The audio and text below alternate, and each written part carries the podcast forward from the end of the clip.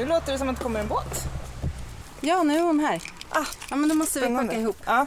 Ska vi strunta i badkläderna eller? Nej, vi tar med dem. Ska vi göra det? Ja, okej. Här är Nathalie. Hej! Hej och välkomna. Hej. Tack. Hej! Ja, du har till och med flytvästar med dig. Ja, men Ja, Hej, Åh, vad kul. Hej, Hanna. hej Katta! Hej! Vad kul att vi fick komma. ja, men jättekul att ni är här. Vilken bra Ja, så här, sommarintervju att göra. Ja, verkligen. Ja, det gick jättebra. Den här vändan åker du några gånger då, i veckan, eller? Helt klart. Ja, Det blir inte varje dag. Man försöker vara hemma Nej. så mycket som möjligt. Men minst en gång i veckan blir det. ja. Men ni kommer förstå när ni kommer ut. Man vill liksom inte åka hemifrån. Nej, jag förstår. Det är ett paradis. Gud vad härligt. Men hörni, Skeppehoj då? Vi drar på Ja, lite. nu drar vi.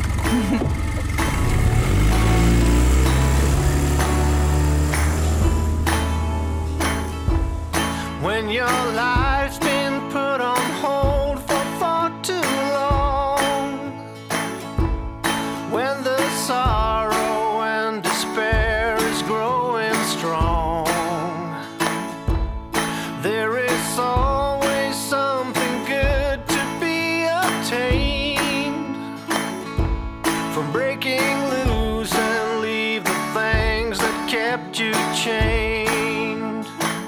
Ja, det är dags för det fjärde avsnittet av Bortom ekorrhjulet. Och den här gången så tog vi oss, som ni hörde, med båt till den lilla ön Lindö som ligger strax utanför Stallarholmen i Södermanland. Och där träffade vi Nathalie Nylén som för några år sedan på ett ganska dramatiskt sätt fick inse att eh, det var dags att sluta jaga pengar och framgång i Stockholms innerstad och eh, istället köpte en liten 1700-talsgård på Lindö där hon nu bor tillsammans med sin sambo Anders. Och de har som mål att så småningom bli i princip helt självförsörjande. Hej Nathalie. Hej Johanna. Välkommen Tack snälla. till podden. Vad kul att du ville vara med. Eller det är kanske jag som ska säga välkommen till Linde. Ja, snarare det kanske. Ja, vart befinner vi oss just nu? Det kan du ju få berätta. Nu befinner vi oss på Lindö. Det är en ö i Mälaren där vi bor eh, sedan ett och ett halvt år tillbaka. Under ett körsbärsträd en strålande sommardag i juli. Ja, vi är väldigt glada att vi får vara här idag och eh, vi vill ju höra lite mer om din dröm som du faktiskt är mitt uppe i och lever nu. Men du kan väl börja med att berätta lite vem du är för de som inte vet det. Eh, jag heter Nathalie Nylén. Eh, jag är 31 år gammal. Eller 31 år ung, det beror på hur man ser på det. Jag skulle säga ung. Ung, eller hur? Jag med. Helt Absolut. klart. Ja. Eh, jag är en djurmänniska ända ut i fingerspetsarna. Eh, även entreprenör sedan barnsben. Eh, och det är väl de två delarna som har styrt mitt liv väldigt mycket. Entreprenörskapet och min eh, stora passion för djur och natur. Och det är därför vi sitter här idag också, på Lindö. Mm. Hur, eh, hur hamnade du här? Kan du berätta lite om bakgrunden till det? Vi eh, bodde ju i Stockholm. Eh, eller jag bodde i Stockholm. Det här var innan jag träffade Anders. Och han bodde i Dalarna. Eh, sen så flyttade jag. Alltså jag bestämde mig för att jag ville bo på landet. Jag har ju alltid vetat det eh, sedan jag var liten. Så jag sålde helt enkelt min lägenhet och så flyttade jag till en liten gård utanför Nyköping. Eh, Och det gjorde du alltså själv? Alltså, Ja, men precis. Då var inte din... Det är, gjorde är jag helt gifta, själv. Eller Vi är inte gifta, vi är sambos Ja. idag. Och det är alltså Anders som också bor här på Linda med dig då, som vi pratar om. Ja. Mm. Eh, nej men så det gjorde jag helt själv. Det beslutet tog jag att jag, jag måste, måste, måste bort ifrån den här instängda betongdjungeln som jag kände det. Eh, så det beslutet tog jag helt själv och jag köpte gården helt själv. Jag flyttade dit helt själv. Eh, sen var, ju, var det ju så att Anders dök upp som en räddare i nöden där. För att det var ju, det var ju inte så jätteroligt att bo ensam på en stor gård. Ehm, och när han kom in i mitt liv så var det ju bara kärlek vid första ögonkastet. Så han flyttade in i princip omedelbums. Och ända sedan dess då så startade ju vi jakten efter våran gemensamma drömgård. Ehm, och det tog, det tog två år innan vi hittade Linda på Hemnet. Och då föll vi båda två pladask såklart. Men det var ju otroligt eh, tufft måste man säga av dig att göra den grejen helt själv. Att liksom köpa en gård och lämna stan. Och, Alltså det är många som säger att det är tufft men jag vet inte om det är så himla tufft. För mig var det ju mer självbevarelsedrift tror jag. Ja. Eh, jag mådde väldigt dåligt eh, när jag var instängd i liksom, en liten lägenhet. Det var inte jag. Så att för mig var inte det tufft på, i den bemärkelsen utan snarare att jag bara kände att jag måste härifrån. Eh, och sen hade jag alltid längtat ut till en gård till landet och till djuren och till naturen. Så för mig var det snarare liksom att, att följa sitt hjärta, att följa sin dröm. Det är, det är inte tufft utan det, det är bara så härligt. Och det känns så rätt i hela själen. Jag tror ju att alla beslut som man tar med, med maggropskänslan, alla beslut man tar med hjärtan, hjärtat är rätt beslut. Så känner du för att säga upp dig, känner du för att liksom bo på en gård eller känner du för att förändra ditt liv eller göra vad du vill. Så jag tror ju att det är rätt beslut så länge du tar det med hela själ och hjärta. Så. Mm. Men jag är nyfiken då på hur kom det sig att du hamnade i stan? För det, det där tycker jag är intressant. Att det, är, det är många som egentligen kanske inte stormtrivs i den miljön. Men man, man är där i alla fall, eller i en lägenhet. Då. Jag är född och uppvuxen ute på Ekerö eh, som ligger precis utanför Stockholm. Så att när det väl var dags att flytta hemifrån när jag var 20 så var det ju liksom, det fanns ju inga alternativ. Alla andra från Ekerö flyttade in till Bromma. Och sen när man hade bott ett tag i Bromma så flyttade alla andra till Kungsholmen. Alltså, eh, och det där tror jag är eh, väldigt vanligt att man liksom, man, och på tal om just ekorrhjulet, att man bara trillar på. Eh, och gör mycket saker som andra förväntar sig av en. Eh, som kanske andra inte egentligen förväntar sig av en, men som man själv känner eh, att både man själv och andra förväntas. Att man följer med. Man följer med strömmen på något Ja. sätt. Ja, alla andra flyttade från Ekerö till Bromma, då jag gör då också det. Alla andra skaffade ett 9-5 jobb, ja men då gör jag också det. Alla andra skaffade barn, ja men du vet. Mm. Man på något sätt bara följer med den här förväntanströmmen. Oavsett om det är en själv som har förväntningar eller folk i sin omgivning. Mm. Eh, och en vacker dag så, så, så vaknade i alla fall jag upp ifrån den här strömmen och insåg att nej men vänta nu här. Jag sitter i en lägenhet men jag vill sitta på en gård. Eh, jag kör bil men jag vill rida häst. jag, eh, jag har katt men jag vill ta med tusan ha hund. alltså det var många saker som, som jag kände att jag liksom på något sätt bara hade halkat med. Liksom. Ja. Eh, och speciellt med jobb. Ehm, att man inte kände att man levde så som man ville leva. Och för mig så var det ju bara att ta tag i det där. Jag tror ju också att normerna, eh, det har styrt mig mycket. Att, att det här som du sa, göra eh, vad som förväntas av en eller ta en säker väg och ja, men följa med strömmen, göra det som ens kompisar gör. Eller, att normerna gör kanske att många inte gör de här medvetna valen. Att, alltså, det här väljer jag för att... Eller liksom stannar upp och reflekterar. Och att det, det är lätt att bara följa med. Det är ganska bekvämt. Du behöver liksom inte Mm. fatta så mycket beslut själv. Jag tycker för mig har det gjort jättestor skillnad att, att verkligen börja reflektera mycket och faktiskt göra val utifrån vad jag kommer fram till. Det, det är någonting som jag skulle vilja liksom få många fler att göra. Mm.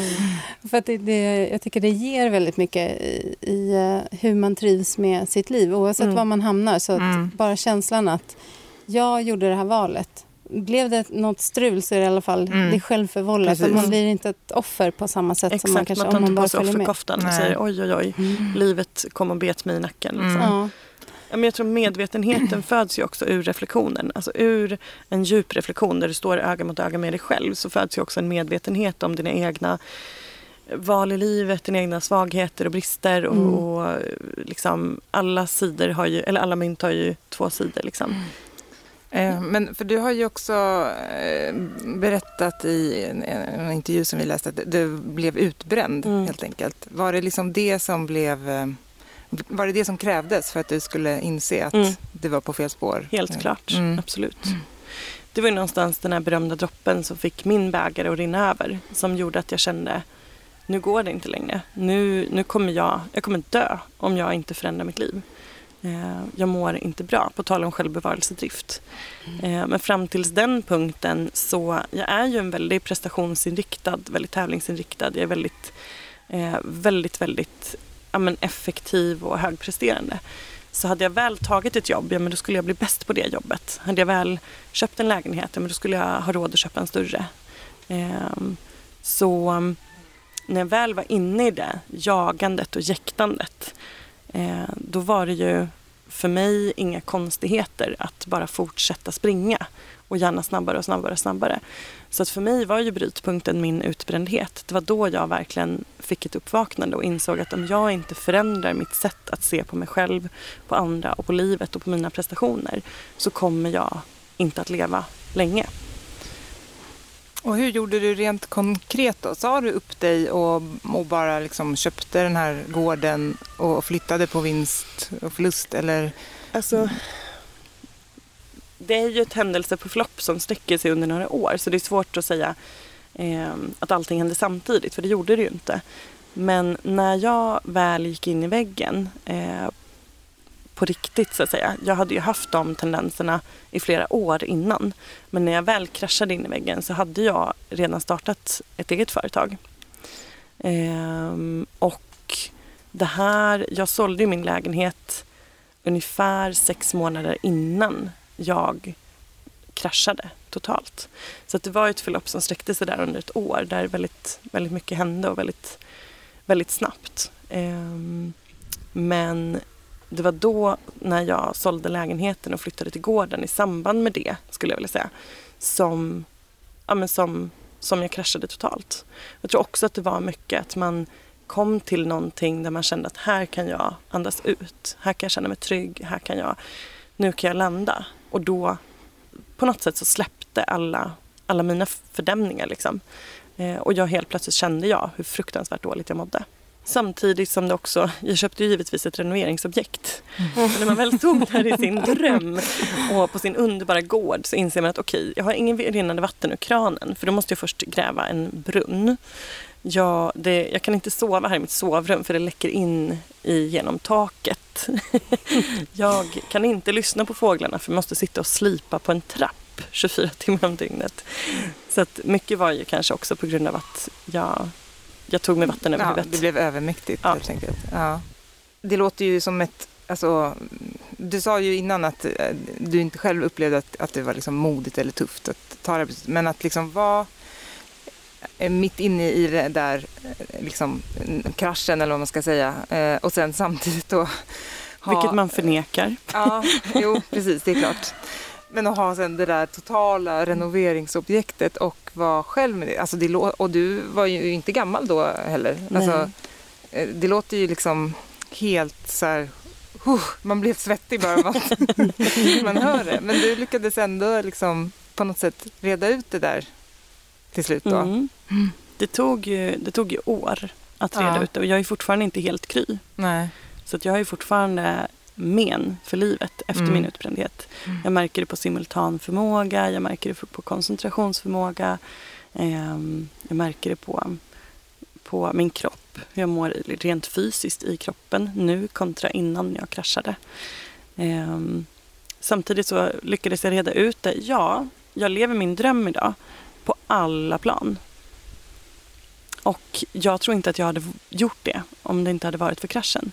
Vad tror du att det beror på? Att, att man liksom hamnar i det där spinnet innan kraschen. Eh, det är ju ganska lätt att köra på. Jag tror ju att, jag kan inte svara för alla.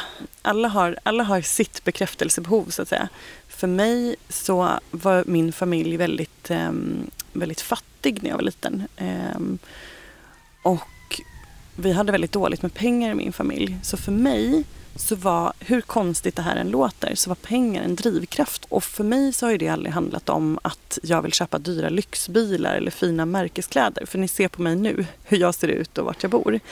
Men tryggheten som pengar kan ge i att man inte behöver dela tepåse med sina syskon eller sina barn. Och för mig så var drivkraften att jag ska ta med tusan eh, jobba hårt för att tjäna mycket pengar. Jag ska starta bolag för att tjäna mycket pengar.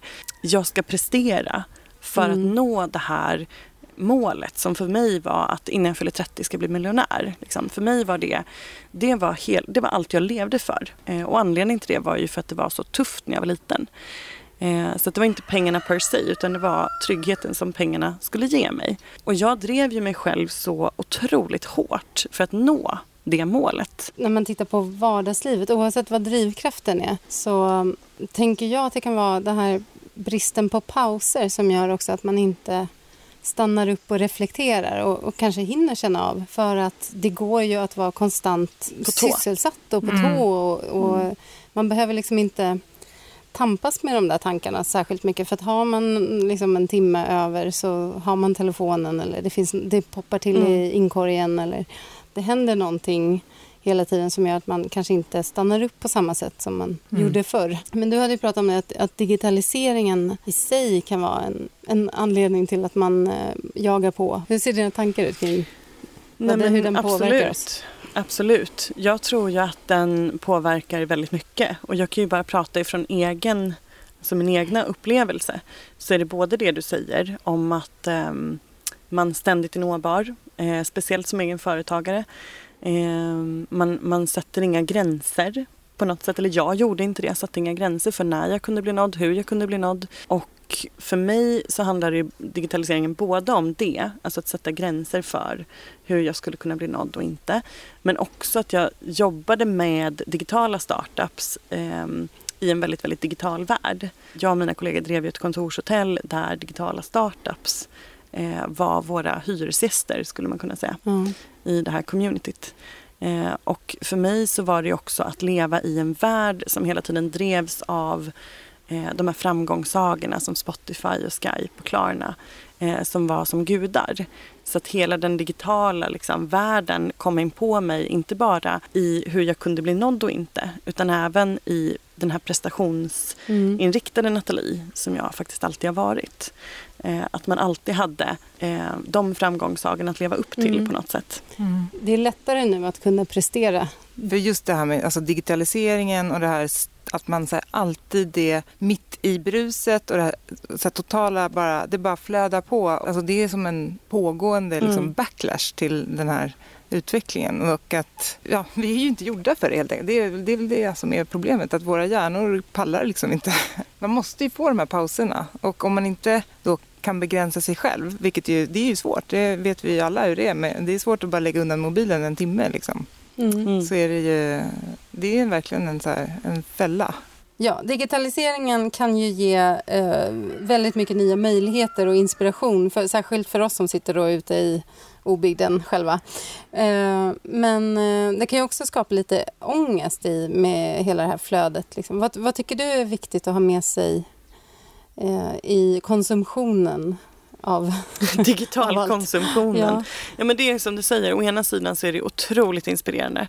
Å andra sidan så kan det ju medföra eh, en viss ångest. Eller för mig gjorde det det i alla fall. Innan jag hade hittat min ledstjärna och innan jag hade kommit till det stadiet att jag verkligen visste vad min dröm var och hur Ja. jag ville leva min dröm.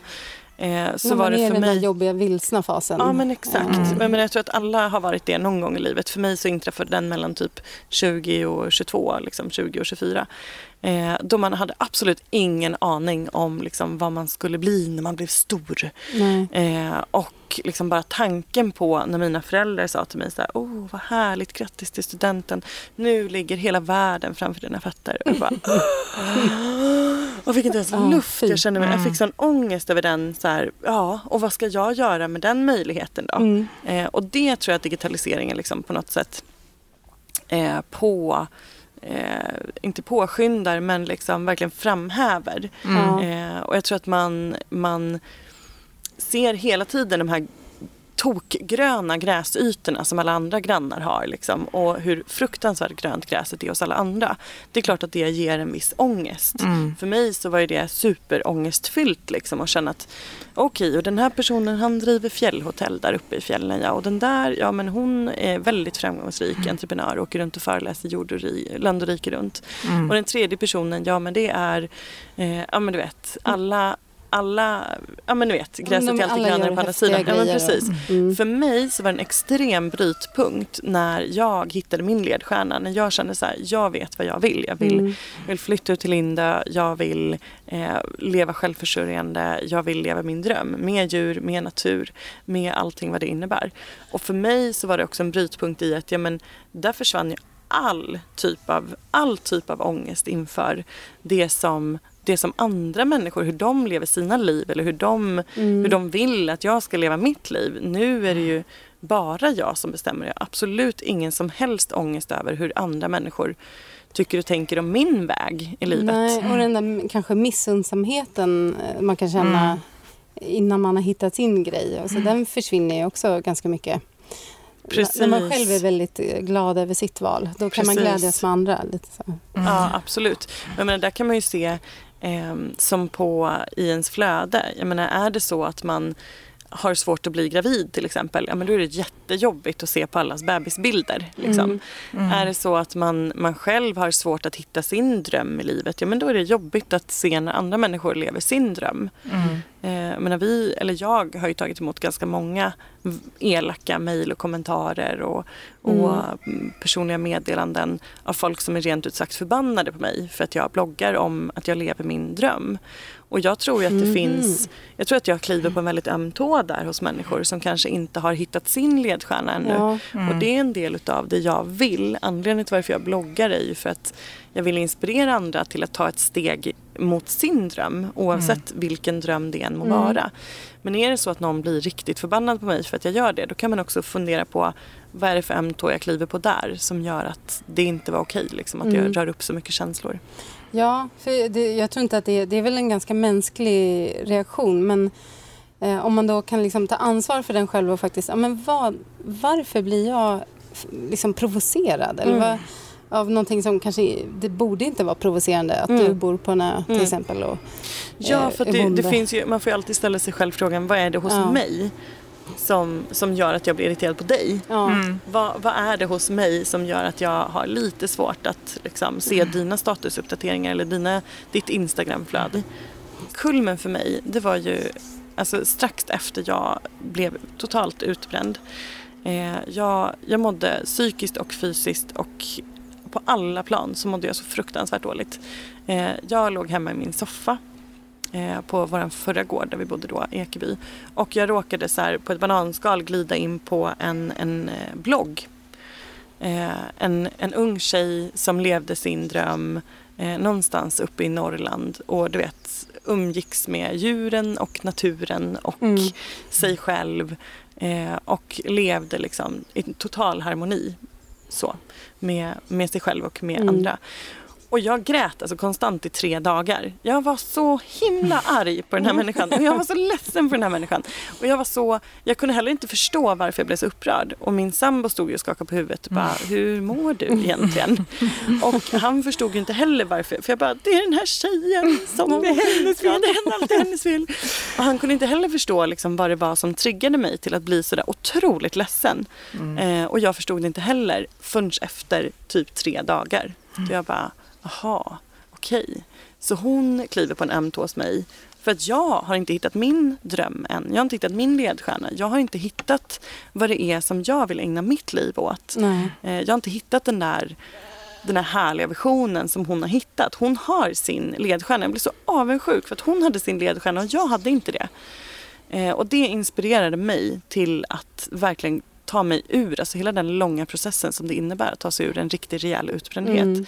För mig så var det, kan jag säga liksom med facit i handen, en av de absolut största anledningarna till eh, varför jag faktiskt tog mig ur det. Mm. Och det var för att hon tvingade mig till att hitta min ledstjärna Mm. eh, och ja, men leva min dröm.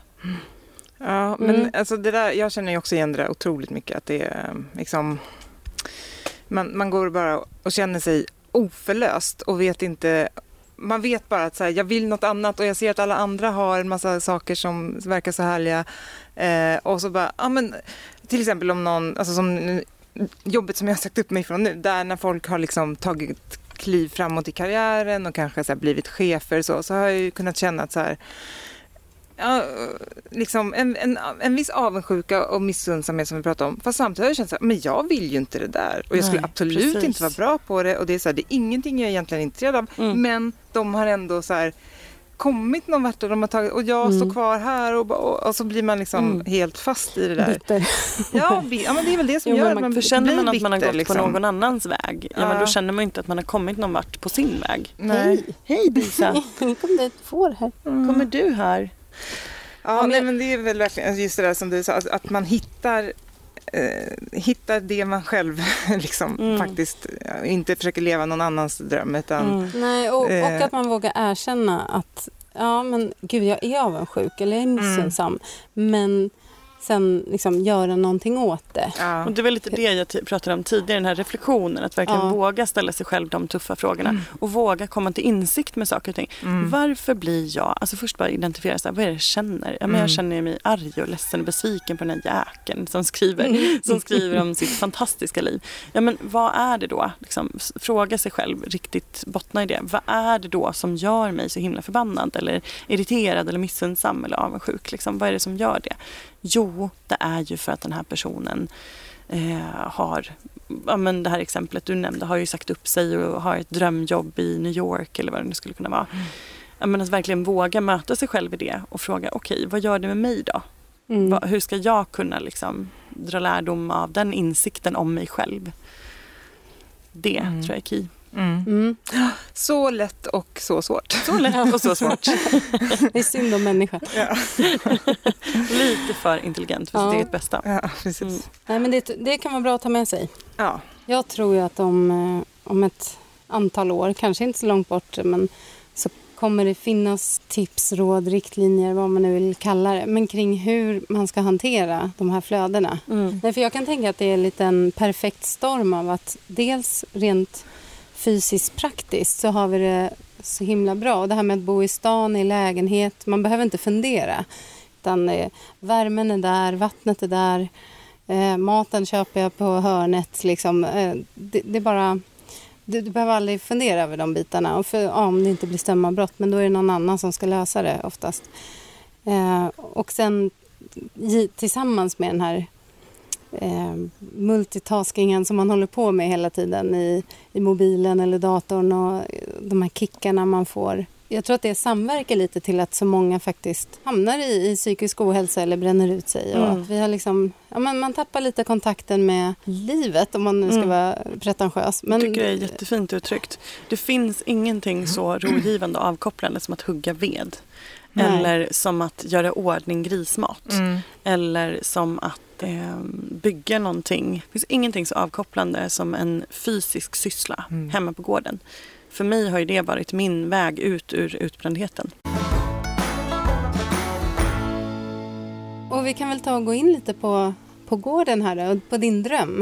Eh, nu har vi hört lite hur, eh, varför och hur du hamnade här. Eh, hur ser en vanlig dag på Lindö? Ja. Men nu Finns blir det jag lite så här drömsk. ja, men alltså det, det, det är det som är så fantastiskt med, med den här gården. Att ja, varje dag är den andra lik så till, tillvida att jag känner inte att jag har ett behov av att ha semester. Eh, för alla dagar är semester. Alla dagar är underbara dagar hemma på gården. Samtidigt som ingen dag är den andra lik eftersom en dag så rymmer fåren, en annan dag så föds det kattbebisar, en tredje dag så har vi eh, ja, men du vet, valparna som ska ha sin social och miljöträning och vi åker iväg någonstans. Så att det händer ju alltid saker på gården. Det finns ju också alltid saker att göra beroende på vilket årstid det är. Ja, men är det höst, ja, men då skördar vi. Är det vinter, ja, men då försöker vi att bygga och renovera saker och ting. Är det vår, ja men då är det mycket med trädgårdsodlingen och lamningen och så. Under sommaren, ja men då försöker man hinna med att stängsla nya hagar till betesdjuren och så. Så att ja, varje dag är den andra lik, men nej, den är Nej. verkligen inte det i alla fall. Och för mig så är det precis det jag ville ha ut av livet. Jag ville bygga ett liv där jag inte kände att jag behövde ha semester. Utan där jag känner att mitt liv är perfekt precis som det. En Mm. härlig vardag som Mm. vi också har Ja. pratat mycket om. Att man liksom inte ska leva för de där fem veckornas semester om året, för det blir ju också Nej. helt galet. Men sen är det ju också så att ni eh, strävar efter att bli helt självförsörjande Jaha. i princip, eller hur? Kan du berätta lite om det och alltså hur, hur den målsättningen kom in i, i bilden? Det har ju också varit en sån process som har itererats, skulle man kunna säga, och vuxit fram. Eh, från början så handlade det om att vi köpte ett gäng med höns. och kände att gud vad trevligt det var att hämta in de här otroligt vackra, goda, alltså otroligt mycket godare äggen ifrån hönshuset än att gå och köpa i butiken. Det var där någonstans det började. Sen så var ju en väldigt stor del eh, i vår resa mot självförsörjandet var ju att vi, att vi flyttade hit till Lindö. För på vår tidigare gård så hade vi inte de möjligheterna att bli helt självförsörjande. Så att när vi väl flyttade hit så växte det också som en holistisk syn på livet på Linda och hur vi skulle kunna bli helt självförsörjande. Allt ifrån att ja, men, ta, ta ved ifrån sin egen skog eller liksom, driva upp sina egna grönsaker, slakta sitt eget kött. Eh, men också att vi ville jobba med någonting hemma på gården eh, som faktiskt genererar intäkter. Som till exempel att hy hyra ut några stugor eller eh, sälja små kattungar eller vad det nu skulle kunna vara. Och sen har ju det varit någonting som verkligen har vuxit fram sakta men säkert. Och ett tänk, alltså ett självförsörjande tänk som djupnar mer och mer ju mer vi lever i det här. Och man blir mer och mer sugen på att men gud, ska vi inte köpa en spinnrock då? Och ta tillvara på ullen vi har ifrån ifrån mm. lammen så vi kan sticka några mössor och så. Det var absolut ingenting som vi såg framför oss för några år sedan att vi skulle vara intresserade av. För varken jag eller Anders är kanske särskilt intresserade av att eh, sticka och, och liksom tova och spinna. Men på grund av att vi har självförsörjande visionen så blir det som, som nya små gnistor som tänds hela tiden. Alltså det, det finns ju liksom en, en anledning till att vi har så här specialiserat oss på olika saker och liksom att man har börjat byta tjänster med varandra och att man inte ska göra allt. Men eh, alltså, hinner man, kan man liksom göra allt själv? Alltså, går det ens att... Alltså, jag tror det. Jag tror ja. att det beror på vilken målsättning man har. Eh, vi har ju en målsättning om att bli helt självförsörjande. Sen är vi också mycket väl medvetna om att vi kommer nog aldrig att ett, ge upp tanken på kaffe. Två, odla kaffebönor. Liksom, bönor. Tre, slutsatsen blir att ja, men, vi kommer nog vara, gå på ICA i alla fall. Eh, vi kommer nog aldrig att klippa banden liksom, till samhället helt och hållet. Så. Men jag tror absolut att det är möjligt. Jag tror att man får försaka mycket saker och välja bort eh, inte bara de här självklara sakerna som liksom, el och ja, sådana saker utan mer små saker också som kaffe eller socker eller eh, saker som kanske är svårare att göra helt och hållet själv. Men visst går det. Det tror jag. Jag tänker på så hygienprodukter och sånt där. Det köper ni också eller gör ni liksom egna? Idag gör vi det men det är klart att jag har ju en, en av mina såna här saker som står på den lustdrivna to-do-listen är ju att göra egen tvål. Det skulle jag jättegärna vilja göra och det är väldigt enkelt men vi har inte kommit dit än. Och även fast vi har en vision om självförsörjande så betyder inte det att vi är där än. Nej. Vi kanske är liksom, ja, men max 50 självförsörjande. Eh, och då räknar jag in att vi är helt självförsörjande på liksom, kött och fisk och grön, ja, halvvägs på grönsaker. Liksom. Men visst, visst vill vi vara det. Mm. Ja, häftigt. Och ni hade lite planer för framtiden på den sidan också? Att att sälja produkter också. Ja men precis, det är väl målet. Eller, eh, så. Men vi får se hur många år det tar att komma dit. Vi, vi stressar inte heller för att liksom springa på utan vi känner ju också att det är viktigt för oss att leva här och nu, ta tillvara på oss och varandra och gården och inte inte göra som jag gjorde tidigare, att bara liksom se målet och inte resan dit. Utan snarare tvärtom, att det kanske är resan dit som är än mer värd för mig personligen idag än vad målet är. Så det är, det är en fråga om jag någonsin når till ett helt självförsörjande i mitt liv, det får vi se. Vad skulle du säga är de jobbigaste delarna med det här livet? Alltså finns det dagar när när ni vaknar och känner att det är så här tröstlöst och liksom, oh, yes. nu, nu, köper vi en villa i... Nej, snarare en lägenhet för, ja. på Kungsholmen brukar vi säga. Ja, okay, ja. Till och med det. Absolut. Ja. men de tuffa dagarna så sitter vi och dagdrömmer om en lägenhet på Kungsholmen. Ja, okay. Gud vad lätt det vore, åh vad mysigt. Åh härligt att kunna öppna sin lilla dörr och så går man ut i porten och så går man ut på gatan. Och så.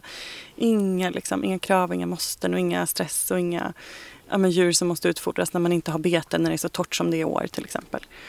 Men så går det inte mer än några minuter så brukar vi i regel säga så här, fast nej, det är inte drömmen. Liksom, det här är drömmen. Och jag tror att alla har ju, alla har ju sådana dagar när man bara känner så här, åh, vad, hur tänkte jag nu? Liksom, eller vad, vad är det som... Det är alltid någonting som är, som är när det händer något stort och jobbigt. Liksom. Men vi faller ju alltid tillbaka på att men det här är våran dröm. Visst, det är motigt och det är kämpigt och man får, man får jobba lite extra hårt ibland. Men det spelar ingen roll eftersom vi, vi älskar det med hull och hår. Men en sån gång som, som är tuff är ju bland annat när isen varken bär eller brister.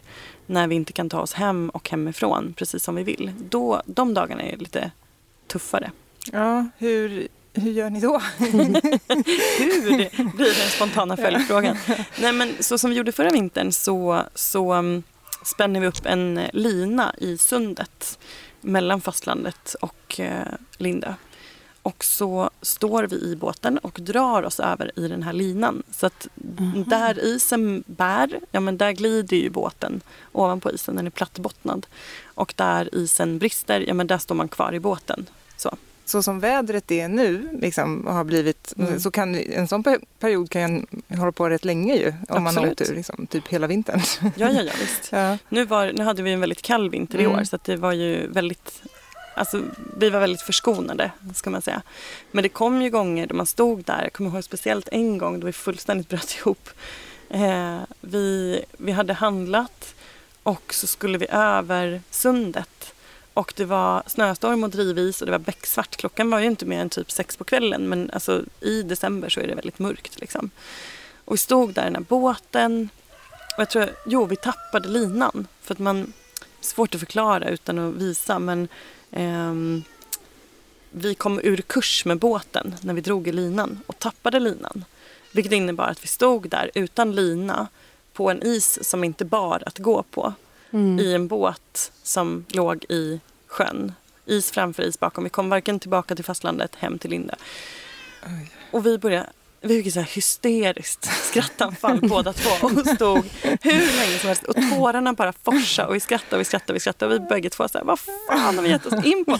Hur kommer det sig att vi står här liksom eh, en du vet, så här, tisdagkväll i januari mitt ute på Ja. Mälaren liksom. Det- Nej, det var verkligen, eh, det är ett, ja, det är ett minne. Man är en liten kattunge som är sällskapssjuk Ja, den är så söt. Det är den som går och jamar i bakgrunden här.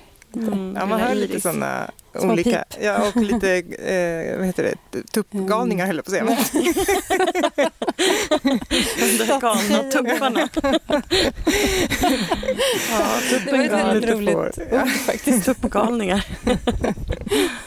och så har vi lammen som går här i trädgården runt om oss. Nu är de för sig inte här och betar men de är väl nere vid sjön tror ja, de har, Mm. syns till här. Där har vi lilla Eivor, vår höna Eivor som går och pickar.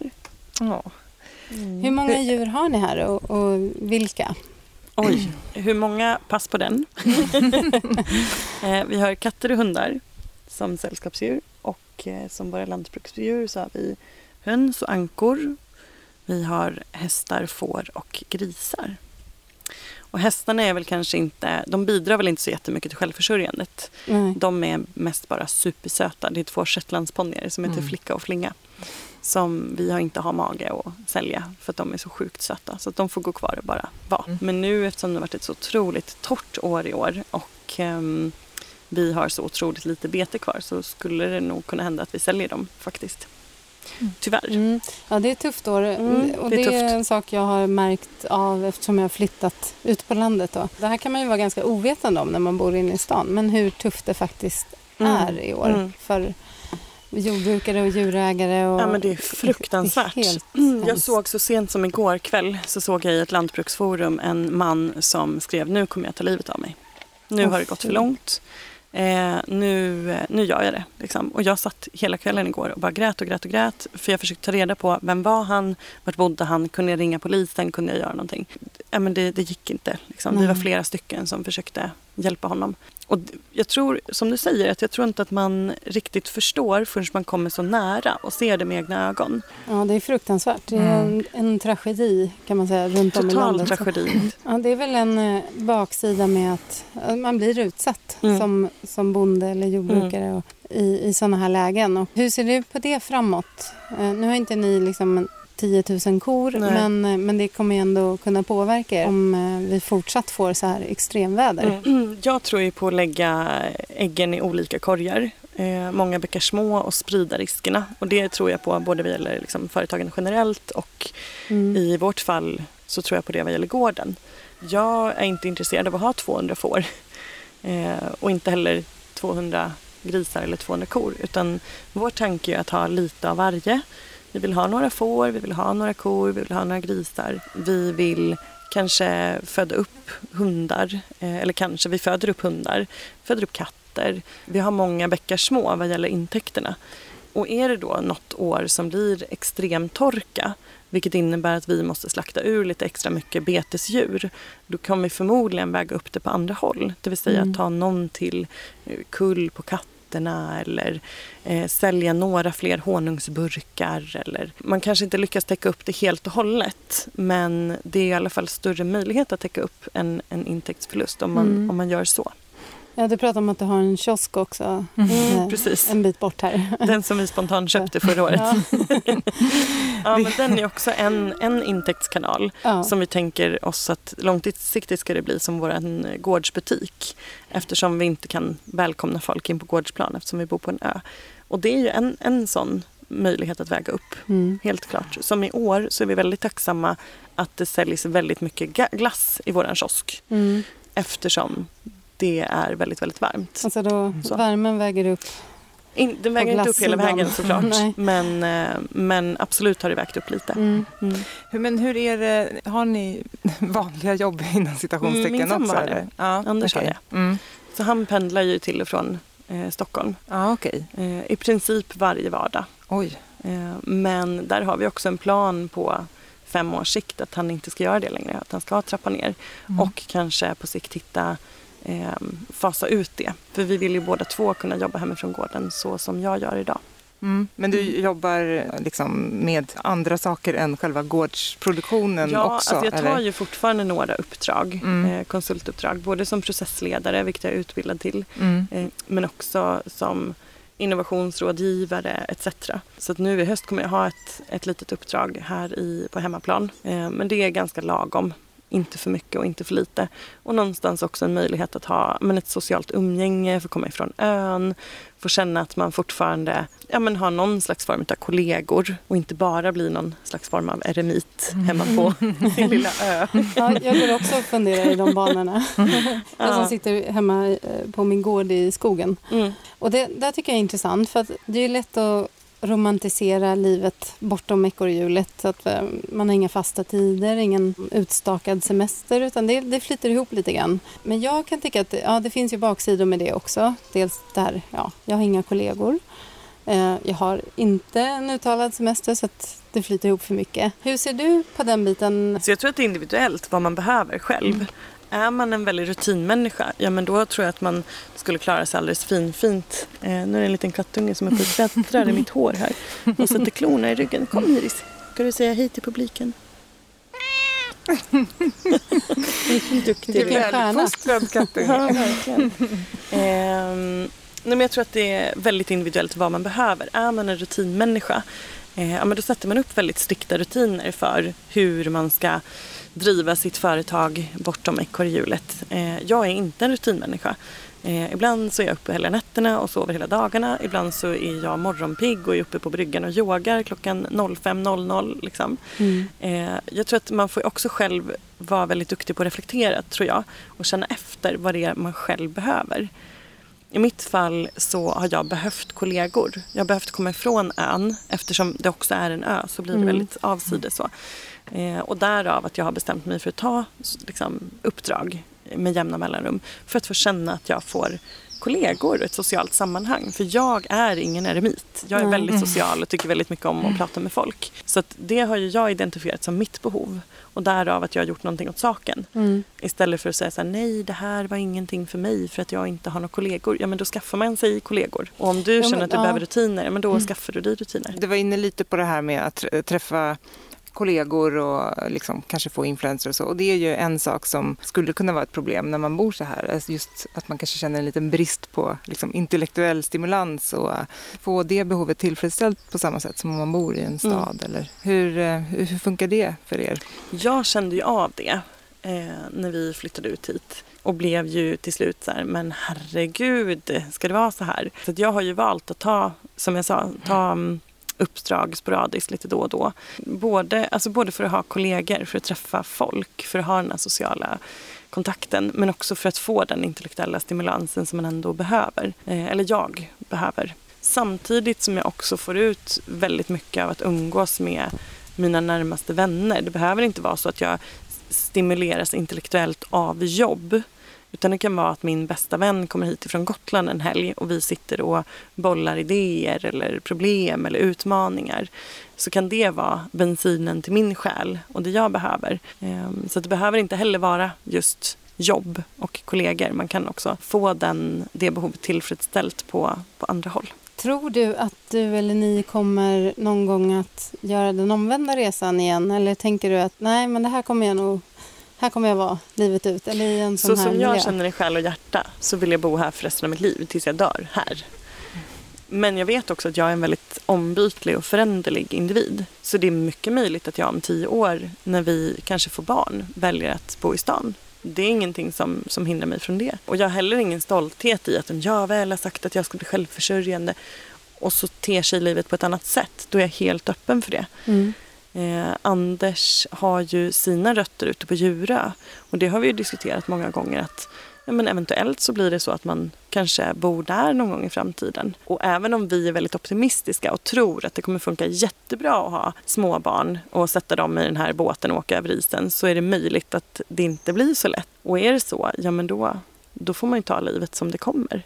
Jag tänker att det är ingenting som jag stänger in mig i att säga att jo men vi ska alltid bo här till tills Nej. världens ände. Utan är det så att livet ter sig annorlunda så, så är det fine. För det enda som är viktigt är att jag och de mina mår bra. Mm. Och gör man det någon annanstans, ja men då flyttar man. Det var väl en bra summering, eller vad man ska säga. Ja. Eller, Ja, men tusen tack för att du ville vara med, eh, Nathalie. Det var jättekul att få komma hit och, och få höra på dina klokskaper. Ja, Tack snälla. Ja. Spännande. ja, och lycka till med, med gården och framtiden som eh, självförsörjande bonde. Tusen tack. Ja, hörni, det var Nathalie Nylén det. Svårt att inte bli alldeles betagen av henne. Det blev både jag och Katta i alla fall. Eh, och det var ett väldigt bra och givande samtal på alla sätt och vis. Hoppas att ni också tycker det. Och om ni vill veta mer om Nathalie och hennes nya drömliv på Lindö så um, kan ni följa hennes blogg som heter Att leva sin dröm. Och hon finns också på Instagram under namnet Att leva sin dröm. Vi blir såklart jätteglada om ni eh, fortsätter att följa oss. Vi eh, släpper nya avsnitt varannan måndag. Och eh, vi finns också på Facebook och Instagram under namnet Bortom ekorrhjulet.